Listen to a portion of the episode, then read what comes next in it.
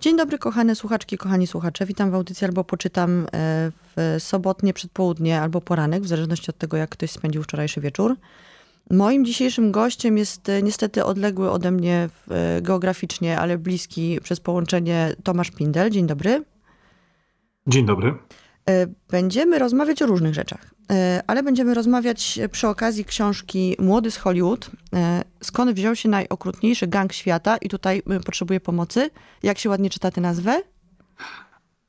Mara Salvatrucia. 13 albo Tresy, jak ktoś chce być konsekwentny. Tak, Salvatrucia, czyli no taka salwadorska powiedzmy. No dobrze, bo ja właśnie powiedziałabym oczywiście Salvatrucha, więc dobrze, że, że mamy na linii tłumacza. No właśnie, Tomasz Pindel, tłumacz um, z, języka hiszpańskiego. Jak już ustaliliśmy poza anteną, taki trochę ambasador um, kultury hiszpanoamerykańskiej w Polsce i literatury, głównie literatury. E, ale też muszę to powiedzieć, mój, mój personalny bohater, jeżeli chodzi o sposób mówienia o książkach na antenie radiowej, prowadzi z Szymonem Kloską audycję Piątka z literatury, której słucham od lat, w której to panowie w bardzo, bardzo krótkim czasie mówią bardzo treściwie o książkach. Jest to mój niedościgły wzór. Ja się zawsze rozgaduję i zawsze mówię dużo słów, które są bez sensu, ale uczę się. Mam nadzieję, że uczę się od najlepszych. E, no dobrze. Książkę napisali bracia Martinezowie. E, jeden z braci jest e, dziennikarzem śledczym, reportażystą. Drugi z braci jest antropologiem kultury, co mi się już na wstępie wydało bardzo ciekawe. A trzecią bardzo ciekawą rzeczą, która do tej książki mnie przyciągnęła, to są oczywiście, jak to napisał do mnie przedstawiciel wydawcy i zajawił mi tę książkę w ten sposób, że jest to o potatuowanych gangsterach. Mm, więc od razu moje detektory się poruszyły i stwierdziłam, że tę książkę muszę przeczytać. Proszę mi powiedzieć, panie Tomaszu, skąd ta książka się wzięła w Polsce? Czy to jest pana pomysł, żeby ją wydać, czy do pana się zgłosiło wydawnictwo z taką propozycją, żeby ją przetłumaczyć? To nie jest mój pomysł, to jest książka, tak Naprawdę Oscar Martinez, który jest połową duetu pisarskiego, ale sam samoistnie jest bardzo ważnym, bardzo cenionym, bardzo ciekawym dziennikarzem i reporterem salwadorskim, zajmującym się w ogóle problematyką Ameryki Środkowej i także Meksyku, no dość szeroko świata hiszpańskojęzycznej Ameryki.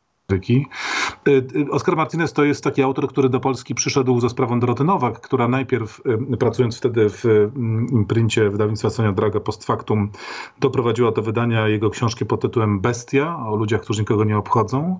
To była w miarę głośna, myślę, w Polsce książka, w, w miarę w tym sensie, że była na shortliście do Nagrody Kapuścińskiego, no to chyba coś tam dobrze o niej świadczy. Mm -hmm. No i teraz, e, kiedy Dorota Nowak jest e, połówką wydawnictwa Filtry, no to e, Oskar wraz, razem z bratem przeszli najwyraźniej z nią tamże, więc jakby to trzeba jasno podkreślić, to jest druga książka Martineza, która po polsku się ukazuje. Ta pierwsza bestia dotyczyła migrantów środkowoamerykańskich, którzy przechodzą przez Meksyk, bo o tym, co się z nimi dzieje w Stanach czy na granicy meksykańsko-amerykańskiej, to się powiedzmy stosunkowo dużo mówi, czy to gdzieś tam jest w przestrzeni obecne.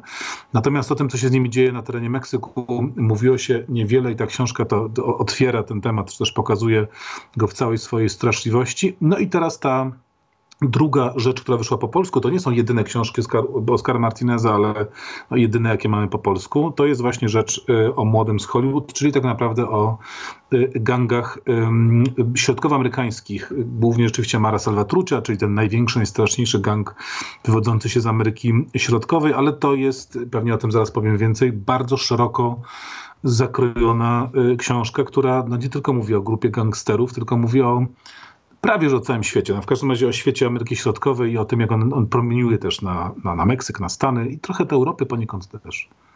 No właśnie, ja przygotowując się do audycji, w związku z tym, że o państwie Salwador wiem y, no, niewiele, przyznajmy się do tego na antenie, i zawsze robię tak, że jak poznaję jakiś nowy kraj, to sobie wpisuję w, w Google'a po prostu w wyszukiwarkę nazwę kraju, a potem odpalam zdjęcia. I byłam przekonana, że dostanę, będę miała pretekst, żeby z tego zrobić temat, dostanę bardzo dużo zdjęć E, pięknych widoków mm, turystycznych miejsc, e, urokliwych e, miasteczek, bo tak zazwyczaj wyglądają zdjęcia w Google, a tu nagle wyskoczyła na mnie banda mocno potatuowanych, śniadych mężczyzn z dzikim spojrzeniem, czyli generalnie o tym, że Salwador jest krajem no w zasadzie zainfekowanym, chyba można tak powiedzieć, przez przestępczość zorganizowaną.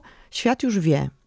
Polacy pewnie wiedzą o tym niewiele, Dobrze, że ta książka się ukazuje, dobrze, że możemy ją przeczytać. Książka jest faktycznie bardzo ciekawa od tej strony, że panowie bracia Martinezowie uzupełniają się, mam wrażenie, jeden ze swoją wiedzą antropologiczną, chociaż mnie jako adeptce antropologii, kultury i etnologii trochę brakowało tego jeszcze tego podłoża takiego mm, tradycyjnego, które wiąże się z tradycyjną obrzędowością i, i kulturą Salwadoru, e, ale to są moje hople. Co jest ważnego w tej książce i co jest takiego, co może Polaków zainteresować? E, Polaków, którzy pewnie w, dużej większości wiedzą, że jest kraj Salwador, ale pewnie niewiele więcej. Tak, można też w ogóle powiedzieć na wstępie, że y, po przeczytaniu tej książki rzeczywiście ten Salwador nam się jednak w głowie poukłada, bo przy okazji opowieści o, o tym głównym bohaterze, młodym z Hollywood i przy okazji opowieści o gangach salwadorskich, tak naprawdę dostajemy no taki przegląd, pewnie że to nie jest wyczerpujący wykład, ale przegląd współczesności historii najnowszej i nie takiej znowu nowej Salwadoru, więc to jest książka, która nam ten Salwador zbuduje w głowie. E, I to jest tak, e, rzecz polega na tym, że rzeczywiście, kiedy to, co pani powiedziała o tych zdjęciach wyskakujących, jest to absolutnie smutną prawdą, no bo tam są przepiękne widoki, znaczy ja nie byłem, przyznaję, i niestety na razie się nie zanosi, żebym się wybierał i nie mówię tylko o pandemii, tylko mówię o poziomie niebezpieczeństwa e, w tym kraju. Niestety rzeczywiście Salwador, tak jak i w ogóle ogóle jeszcze kilka e, krajów Ameryki Środkowej to są państwa, które znajdują się w takim stanie powiedzmy półupadłości, e, to znaczy no, częściowo aparat państwowy działa, częściowo nie działa i, i w znacznej mierze jest przeżarty przez, przez właśnie gangi, przez korupcję, która z tym jest związana. Salwador, Honduras, Gwatemala, e, w coraz większym niestety też stopniu Meksyk, który oczywiście jest zupełnie innym zawodnikiem, bo to ogromny kraj, ale także te problemy go bardzo dotyczą. To są rzeczywiście tereny, gdzie przestępczość zorganizowana ma ogromne znaczenie i gdzie przemoc y, y, codzienna jest czymś, co wpływa na życie y, wszystkich tam mieszkających ludzi. Oscar Martinez bardzo często powtarza, kiedy pisze swoje teksty o rzeczywistości Ameryki Środkowej, że w myśl definicji pandemii, która została przez Organizację Narodów Zjednoczonych chyba, albo przez WHO, teraz nie pamiętam dokładnie kogo, zdefiniowana, no to właśnie w Salwadorze od wielu lat panuje pandemia zabójstw, to znaczy statystyki y, śmierci y, w wyniku gwałtownego jej zadania są gigantyczne i przekraczające miażdżąco y, wszelkie inne wydarzenia, wszelkie inne statystyki na innym świecie. No, dość powiedzieć, że takim wyznacznikiem powiedzmy jest tam chyba na 100 tysięcy mieszkańców się liczy, już teraz dokładnie pamiętam, mm -hmm. ale w Europie to oscyluje około, to jest jedna osoba, prawda, na, na, tych, na tych tam 100 tysięcy. W Stanach ten wskaźnik jest wyższy wyższy, sięga kilku, natomiast w takim Salwadorze były lata y, już w wieku XXI, y, kiedy sięgał ponad 100 y, osób, czyli stukrotnie wyższy niż taka powiedzmy sobie światowa średnia, czyli wychodzi na to, że mniej niż jeden na tysiąc mieszkańców Salwadoru ginie, zginął w tych latach śmiercią gwałtowną w wyniku zabójstwa, morderstwa tego, tego typu. No i to pokazuje, jaka to jest rzeczywistość. To tłumaczy, dlaczego ludzie masowo uciekają z tamtego, z tamtego z tam zakątka świata, no bo tam się żyć nie da pod wieloma względami i dlaczego ci, którzy tam żyją, tak naprawdę nie mają specjalnej alternatywy, y, czyli mają właściwie wybór albo stać się ofiarą gangu, albo stać się członkiem tego gangu. I to jest właśnie opowieść o Miguelu Angelu Tobarze, czyli tym młodym z Hollywood. Młody z Hollywood to jest pseudonim y, gangsterski tego młodego chłopaka.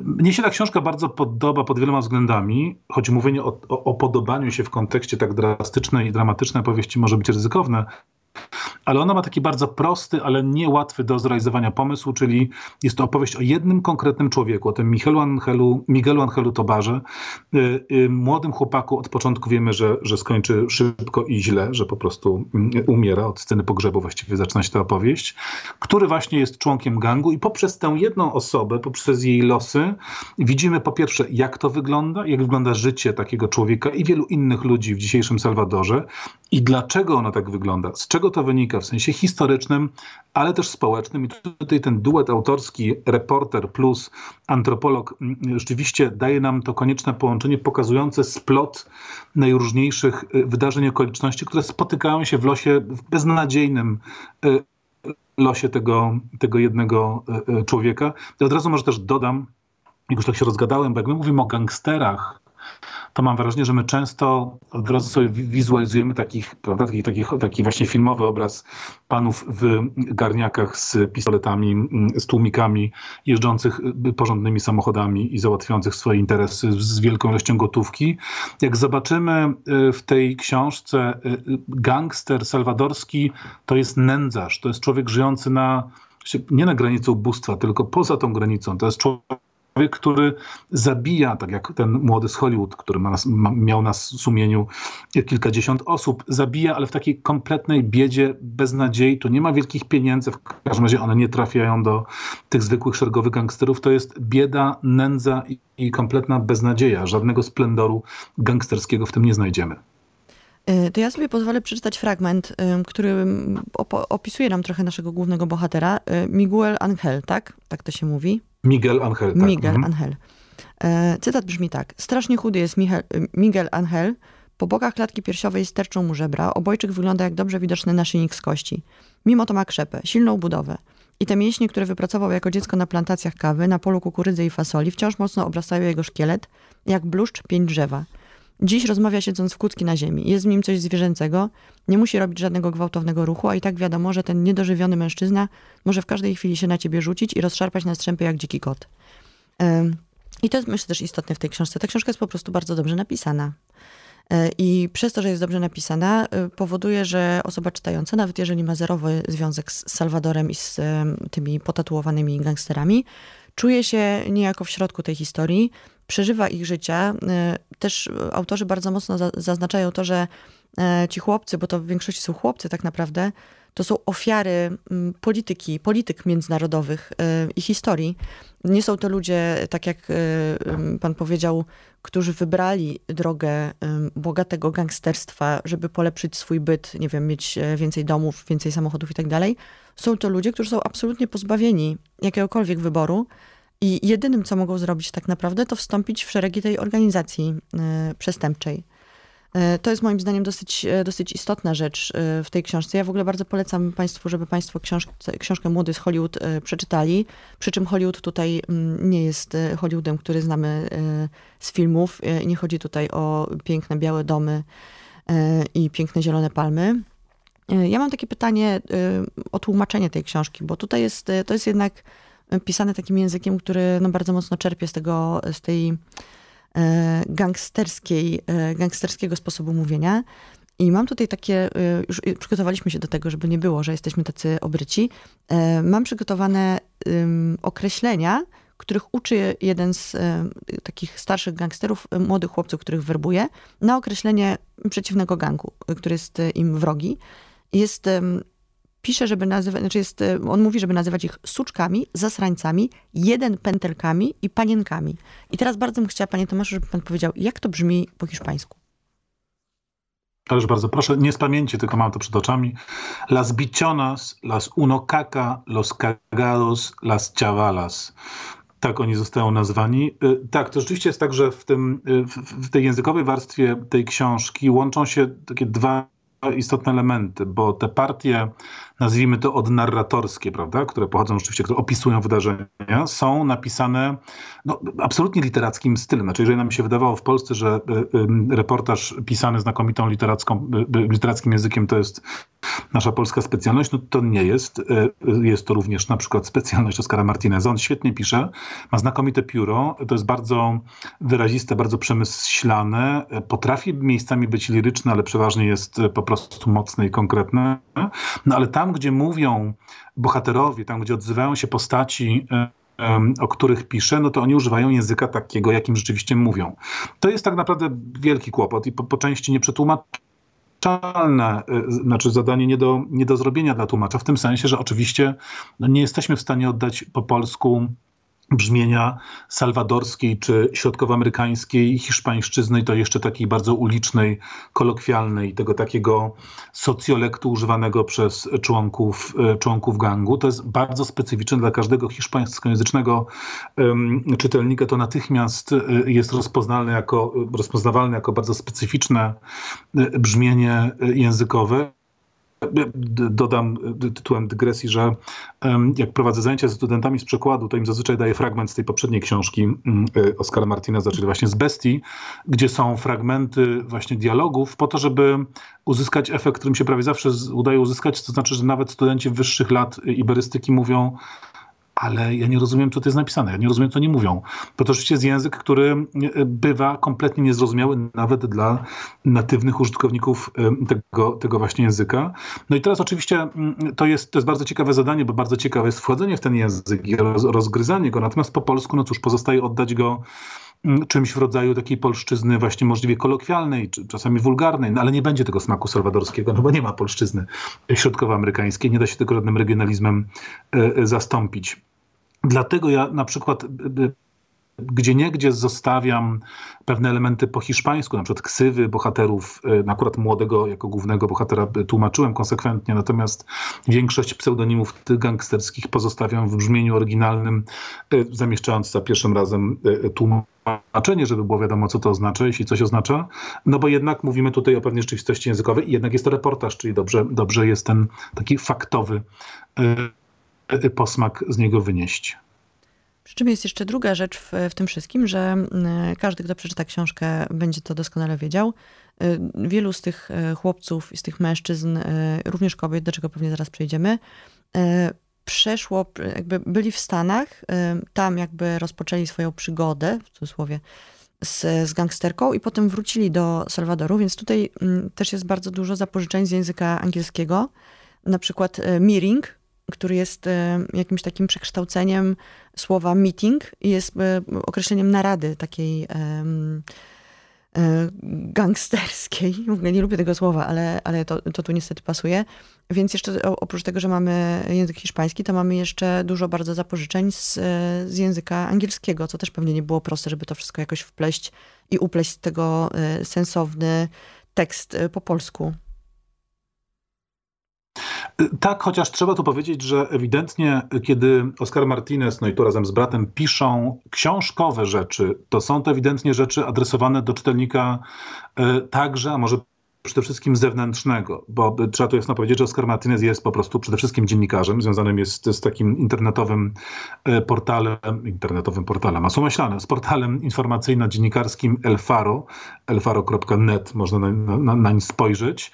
E, to jest po prostu prawdziwe dziennikarstwo, no takie frontowe powiedziałbym, poruszające bardzo poważną i trudną problematykę, oczywiście piekielnie niebezpieczny zawód. Czyli on pisze rzeczy takie regularnie dziennikarskie, ale w momencie, kiedy siada do, do rzeczywiście pisania książek, no to one są skrojone w ten sposób, że my rzeczywiście nie musimy mieć jakiejś specjalnej, uprzedniej wiedzy na temat tego świata. Ja myślę, że właśnie siłą młodego z Hollywood jest to, że my naprawdę, wystarczy, że będziemy z grubsza kojarzyć, gdzie, gdzie ten Salwador leży na mapie, co akurat nie trudno w dobie powszechnego internetu sprawdzić, no to za, re, jakby przez resztę tej historii zostaniemy poprowadzeni za rękę. Tam jakby wykład o, czy opowieść o, o kontekście, o historii, o, o geografii też, o, o pewnych aspektach rzeczywistości jest przeprowadzony tak, że wydaje mi się, on jest bardzo czytelny i to też przekłada się na sposób pisania. On jakby on w sensie, właśnie oni, panowie Martinezowie, nie zakładają jakiejś y, właśnie y, wielkiej orientacji w terenie, bo te wprowadzane pojęcia są,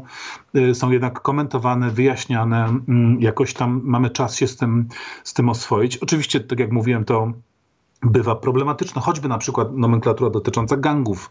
No mamy gang albo bandę, a tam jest pandilla yy, i tam jest parę innych mara, prawda, parę innych terminów, które określają yy, różnego rodzaju, różnej wielkości, różnego typu gangi. To rzeczywiście po polsku specjalnie yy, nie jest do oddania. Tutaj rzeczywiście często decydowałem się na pozostawianie mm, przynajmniej częściowe tych nazw oryginalnych. Y, myślę, że to w ogóle też y, dobrze robi książce. Ja miałam właśnie taką potrzebę, y, jak czytałam te obelgi, które tam się pojawiają, to miałam potrzebę dowiedzenia się, jak one brzmią w oryginale, bo to jednak mimo wszystko trochę pozwala wczuć się w ten, w ten świat i trochę zrozumieć go lepiej, usłyszeć melodię tego języka, którym posługują się członkowie gangów. Mam oczywiście pytanie, bo nie byłabym sobą, gdybym go nie zadała. E, o dziewczyny w gangach, bo pojawiają się, jest taki jeden malutki podrozdziałik, trochę brakowało e, więcej informacji o dziewczynach gangowych, czyli, i teraz uwaga, będę próbowała tego nie spalić, e, Jachinas? Janinas? Haninas? Hainas. Hainas. Mhm. I Mareras, mhm. tak? To są dwie, dwa rodzaje, jakby, czy dwa, nie wiem, dwie przynależności kobiet gangowych. Czy mógłby pan powiedzieć, co to, co to oznacza? Tak, no, tam, tam jest oczywiście w skrócie być może zarysowane, tam w ogóle wiele rzeczy można powiedzieć, że w skrócie pani wspomniała o swoim takim niedosycie tła, ale też powiedzmy sobie szczerze, gdyby to wszystko rozwinąć jeszcze bardziej, to by to musiało mieć parę tomów. Ja myślę, że jednak pewne tematy faktycznie są dotknięte, ale jednak, jednak wskazane. Rzeczywiście, kiedy, kiedy autorzy opisują ewolucję e, gangów, to, to powiedzmy tylko króciutko, że te gangi tak naprawdę zrodziły się na terenie Stanów Zjednoczonych, dokąd w charakterze uchodźców trafiło mnóstwo dzieci, młodzieży z ogarniętego e, wojną domową Salwadoru. Tam zetknęli się z miejscowymi gangami, które e, albo związane były z subkulturami, albo w znacznej mierze z obecnymi tam już migrantami, głównie z Meksyku, czy też Chicanos, czyli takimi właśnie mm, gangami zbierającymi no, już Amerykanów, ale tego latynoskiego pochodzenia. No i ta młodzież się musiała jakoś, jakoś obronić i tak zaczęły powsta powstawać te, te gangi. I oni rzeczywiście, autorzy pokazują taką drogę, w której o ile na początku kobiety miewały taką funkcję no dobra, nierównoprawną, ale rzeczywiście były tak, że rzeczywiście członkami gangu miały pewne prawa, mogły rzeczywiście zabierać głos, to z czasem wraz z pewną ewolucją taką kulturowo-obyczajową, tak to nazwijmy tych gangów, traciły te role, stawały się no właśnie własnością gangsterów, traciły prawo, prawo głosu. Tam się pojawia rozmowa, jedna rozmówczyni, która, która pamięta te czasy, kiedy, kiedy rzeczywiście była, no, mogła prawda, zabierać głos i była równoprawną niemalże uczestniczką życia gangu, ale po kilku kilku latach spadła i stała się czyimś trofeum. Znaczy ta taka maskulinizacja, rzeczywiście pojawienie się takiego radykalnego szowinizmu y, jest czymś, co też było takim elementem rozwoju tych, te, tego gangu. Bo, i, i, to też pokazuje bardzo istotną rzecz, te, te, aspekt tej książki, że to jest bardzo wiele płaszczyzn, na których te, te gangi trzeba rozpatrywać. To nie jest tylko kwestia tego, że one stanowią zagrożenie dla, dla zewnątrz, prawda, jak my, nie będący członkami gangów, na nie mamy skłonność patrzeć, ale również widzimy to, co działo się w środku. Dlaczego się działo? Co przeżywali ci ludzie, którzy tam się znaleźli? Dlaczego się znaleźli? Jaka była ich droga? Jakie były też ich konflikty wewnętrzne? No bo w końcu walki wewnątrz gangów są y, równie krwawe, o ile nie krwawsze, y, jak te y, gangów ze światem zewnętrznym. Tak, ta książka faktycznie e, nie pozostawia dużo sympatii do świata mm, i zaczynamy rozumieć, że, e, że ludzie, na których właśnie jesteśmy skłonni patrzeć jako na zagrożenie, e, bardzo często po prostu reagują agresją na to, że oni są w stanie permanentnego zagrożenia, czy niedosytu, czy wręcz jakiegoś braku wyjącego w swoim życiu. Bardzo polecam lekturę książki Młody z Hollywood z podtytułem Skąd wziął się najokrutniejszy gang świata Mala Mara Salvatrucha? Dobrze tak mówię? jest. Tak. E, tak. Ale chciałam jeszcze też porozmawiać, mając już e, pana na, na linii, porozmawiać też o tym, że prowadzi pan e, coś, co ja bardzo ostatnio lubię oglądać, czyli lekcje czytania. W ogóle projekt, który bardzo lubię, ale ma teraz taki, takie swoje rozwinięcie w postaci literatury, jakby podcastów, czy, czy wideo podcastów, które się nazywają Literatura Latynoamerykańska jest kobietą. Jest realizowane we współpracy z Instytutem Cervantesa i pan tam e, opowiada o pisarkach e, z tamtego obszaru świata, o których tak naprawdę w Polsce w zasadzie prawie w ogóle nie wiemy, albo wiemy bardzo niewiele. Skąd wziął się ten pomysł, żeby zrobić z literatury latynoamerykańskiej właśnie kobietę? Ja od razu sprostuję może nieco. Ja rzeczywiście wygłosiłem tę pierwszą lekcję o Samancie Szweblin i jej e, bezpiecznej odległości, ale kolejne lekcje będą już wygłaszane przez inne mówczynie i innych mówców. Więc ja tam rzeczywiście byłem takim tym lokomotywem rozpędzającym, natomiast potem to już przejdzie w inne ręce. No, chodzi o pewną, pewną różnorodność. Tak, to rzeczywiście jest e, w ramach tego znanego już w sumie dobrze projektu, prawda? Fundacji Tygodnika Powszechnego, który tym razem rzeczywiście mm, zawiązał sojusz z Instytutem Cervantesa w Krakowie i postawiono na, na pisarki z Ameryki Łacińskiej. Powód jest bardzo prosty tak naprawdę. Otóż jak spojrzymy, jakbyśmy sobie zrobili listę literackich y, tytułów z Ameryki Łacińskiej, które ukazały się w ciągu ostatnich lat, zobaczymy, że tam jest naprawdę dużo bardzo interesujących rzeczy pisanych przez kobiety, przez pisarki e, e, latynoamerykańskie. Tutaj akurat w lekcjach, jakoś to Cervantes, no to to jest Ameryka hiszpańskiego języka tylko, natomiast Brazyliki także pojawiają się, może nie tak licznie, ale, ale również. I to nie wynika z jakiegoś programu, to nie jest jakiś, jakiś taki plan pod tytułem, że tutaj wydawcy w Polsce postanowili, oho, pokażmy teraz piszące kobiety, tylko to wynika z stanu rzeczy. Znaczy po prostu w literaturze współczesnej poszczególnych krajów Ameryki Łacińskiej do głosu doszło bardzo dużo bardzo ciekawych i bardzo różnorodnie piszących pisarek. To jest takie zjawisko, które no myślę, że u nas też nastąpiło. Ja pamiętam, jak przed laty pracowałem e, w pewnej instytucji publicznej zajmującej się promocją literatury polskiej w świecie i na przykład, kiedy robiliśmy jakieś takie nie wiem, zestawienia czy katalogi literatury polskiej, najważniejszych twórców XX wieku, no to ta y, y, niedowaga, prawda, nie, nie, nieobecność, znaczy niewystarczająca obecność kobiet była bardzo rzucająca się w oczy, prawda, bardzo, y, bardzo silna była przewaga ważnych panów pisarzy. Ale jakbyśmy robili, czy jak robiliśmy listy współczesnej literatury polskiej, współczesnych twórczyń i twórców, no to tutaj nie ma problemu z parytetem, właściwie zaczyna się problem z parytetem w drugą stronę, to znaczy, że trzeba będzie niedługo dookoptowywać panów, żeby jakoś tam to wyglądało. I coś podobnego dzieje się w kontekście mam wrażenie, literatury latynoskiej. Znaczy po prostu bardzo dużo bardzo ciekawych y, y, piszących kobiet doszło do głosu i one rzeczywiście są obecne i wreszcie powoli trafiają i, i spływają, że tak powiem, ich dzieła do, do nas, do Polski. Oczywiście tylko jakiś procencik, nie, niewielki, to też jest naturalne. Nie, nie, nie jesteśmy w stanie wchłonąć jako rynek wszystkiego, co się tam pisze, ale jest to, jest to wyraźnie zauważalne. To, to nie są jeszcze pisarki, czy też może nigdy nie będą jakoś szalenie bestsellerowe, być może w końcu jakiś większy większy jeden czy drugi bestseller się trafi. Dlatego ich rozpoznawalność nie jest bardzo duża w Polsce, ale ci, którzy mają nosa y, skierowanego w stronę literatury latynoskiej, to już ewidentnie zauważyli, że jednak coraz więcej mm, właśnie kobiecej, znaczy kobiecej prozy, tego się używa często w kontrowersyjnym kontekście, prozy pisanej przez kobiety y, w Polsce się pojawia. Więc to taka jest, stoi zatem bez wątpienia myśl taka, żeby, żeby to pokazać, żeby trochę rzucić więcej światła na, na to, jak bardzo ciekawe, jak bardzo różne rzeczy tam, tam są. Ja oczywiście nie, nie, nie, mamy tutaj czasu niestety na antenie, żeby wymieniać e, te pisarki. Bardzo serdecznie e, słuchaczki i słuchaczy zachęcam do tego, żeby śledzić w takim razie te lekcje czytania. E, interesować się też tą literaturą z tamtego kawałka świata. Ona w Polsce w latach 60., 70. święciła triumfy, potem została wyparta przez jakieś inne literatury i teraz mam nadzieję, że jest jakaś szansa na, na wielki powrót. E, to jeszcze. To może rzucę tylko trzy nazwiska, jeżeli zdążymy, tak, żeby, żeby coś było, prawda? Oczywiście. Mogę? Tak.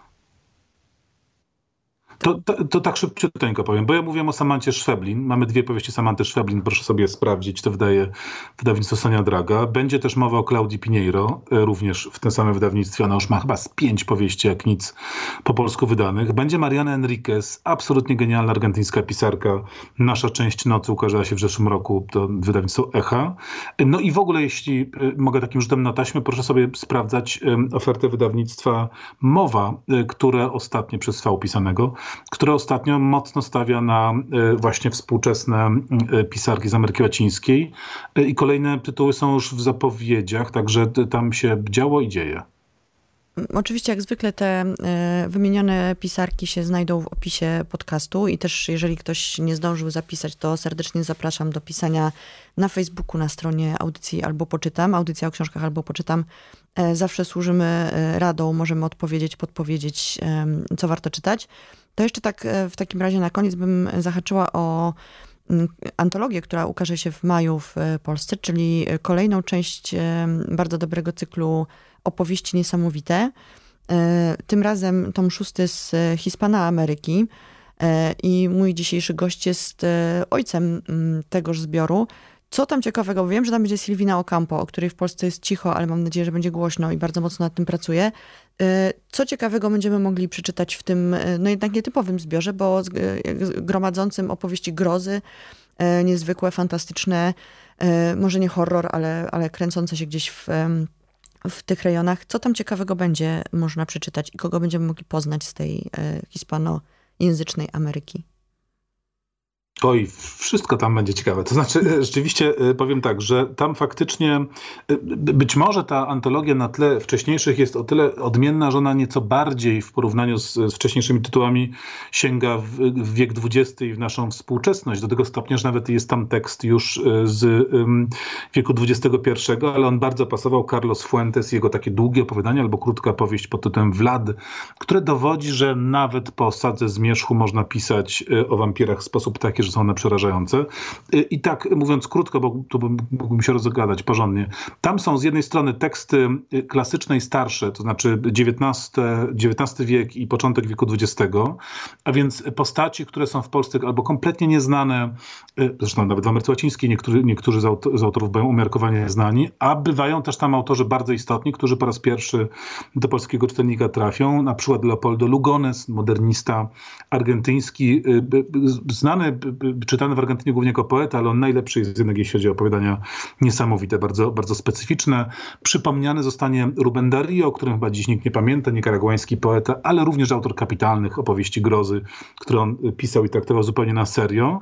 No ale właśnie są też współcześniejsze postaci, czyli wspomniana przez panią Silvina Ocampo. To jest w ogóle szok, zgroza i niedowierzanie, że ta autorka wciąż nie doczekała się odrębnej książki e, w Polsce. Nie wiem, czy dlatego, że opowiadania tylko pisała, czy też głównie, e, chociaż właściwie i tutaj coraz więcej się dzieje. Ja pukam do różnych wydawców od lat z propozycją Silvino Ocampo jako całości. Tutaj dostaniemy w tym tomie sześć jej opowiadań, więc to jest niezła, niezła próbka, ale też będzie jej osobisty małżonek Adolfo Biej Casares, który też był wydawany przed laty, dziś jest kompletnie zapomniany i tutaj pojawią się niektóre po raz pierwszy, niektóre przypomniane, ale w nowym przekładzie opowiadania tego, tego, tego autora, czyli generalnie oprócz takich, takiej postaci jak Carlos Fuentes, no, który jest konsekwentnie wydawany yy, i, jakoś tam jednak znany, to są albo nazwiska i postacie zupełnie nowe, nowe dla nas w Polsce, albo mocno zapomniane yy, i yy, tutaj zostaną one odświeżone, a zarazem zobaczymy taką właśnie grozę pochodzącą z Ameryki hiszpańskojęzycznej, ale nie jest to żaden tam realizm magiczny nie jest to zazwyczaj też taka typowa fantastyka, chociaż taka się miejscami również tam zdarza. Teksty bardzo, bardzo różne, tak jak różni są autorzy z różnych krajów pochodzących. To ja tylko y, skończę może anegdotą. Jak y, czytaliśmy podczas Nocy Księgarni y, już premierowo takie jeszcze y, surowe opowiadanie Silvino Campo, to pani, która przyszła słuchać e, na żywo w księgarni Państwowego Instytutu Wydawniczego tego mm, opowiadania, była, ono było na, na samym początku, e, była bardzo rozczarowana, przyszła do mnie i powiedziała, że czuje się oszukana, gdyż nie ma nic o wampirach, ani o strachach, a ona miała obiecane, że to będą opowiadania niesamowite, więc spodziewała się czegoś innego. E, przy promocji i przypominaniu Silvino Ocampo ma pan we mnie sprzymierzeńczynię, jest takie słowo? Nawet jeśli by nie było, to, to powinno i jest. Bardzo się cieszę i trzymam Panią za słowo i będziemy działać. E, będziemy działać. E, bardzo dziękuję za rozmowę. E, przypominam, że pretekstem do spotkania dzisiejszego z Tomaszem Pindlem była książka Młody z Hollywood. Skąd wziął się najokrutniejszy gang świata Mara Salvatrucza 13, już nie będę kombinowała, braci Martinezów, wydany przez wydawnictwo Filtry. Bardzo zachęcam do czytania tej książki i bardzo zachęcam do śledzenia tego, co się w Hiszpanoameryce ukazuje. Y, bo jest to literatura, która z pewnością y, zasługuje na naszą uwagę. Bardzo Panie Tomaszu dziękuję za rozmowę i mam nadzieję, że jeszcze będziemy mieli okazję y, być może przy, przy wydawaniu opowieści niesamowitych spotkać się i, i porozmawiać trochę o tej, o tej literaturze grozy z tamtych rejonów. Bardzo dziękuję i bardzo chętnie. Zawsze o literaturze latynoskiej z przyjemnością pogadam. Wspaniale. W takim razie my, y, i ja, i pan Tomasz za uwagę dziękujemy. Życzymy, mam nadzieję, że życzę też w imieniu pana Tomasza y, sympatycznej soboty. Absolutnie tak. I generalnie niech będzie to sobota przynajmniej z kawałkiem książki. Za tydzień spotykamy się z tłumaczką, dostałam ostatnio burę, że tak mówię, nowej wersji Ani Zielonego Wzgórza. Natomiast tego się będę trzymać, bo, bo nie chcę zdradzić za dużo, co w tej rozmowie się będzie działo. Mm, także mamy pasmo rozmów z tłumaczami. W zeszłym tygodniu Krzysztof Umiński, w tym Tomasz Pindel, w przyszłym tłumaczka Niżonego Wzgórza. Y, obiecuję, że będzie taki moment, że zaproszę również jakichś autorów do, o książ- do rozmowy o książkach. Jeszcze raz dziękuję, do usłyszenia. Słuchaj Radio Campus, gdziekolwiek jesteś. Wejdź na www.radiocampus.fm.